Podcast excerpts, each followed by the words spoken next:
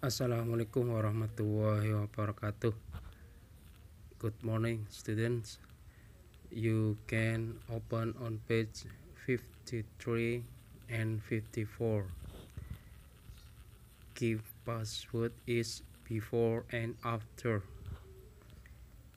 Before artinya sebelum. After artinya setelah. Is artinya sekarang adalah was artinya dulu. Yesterday adalah kemarin dan tomorrow adalah besok. For example, today is Thursday. Tomorrow is Wednesday. Yesterday was Monday.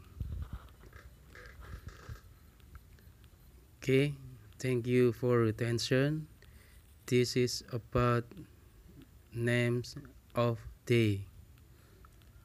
Karanganyar 13 October 2020 Thank you.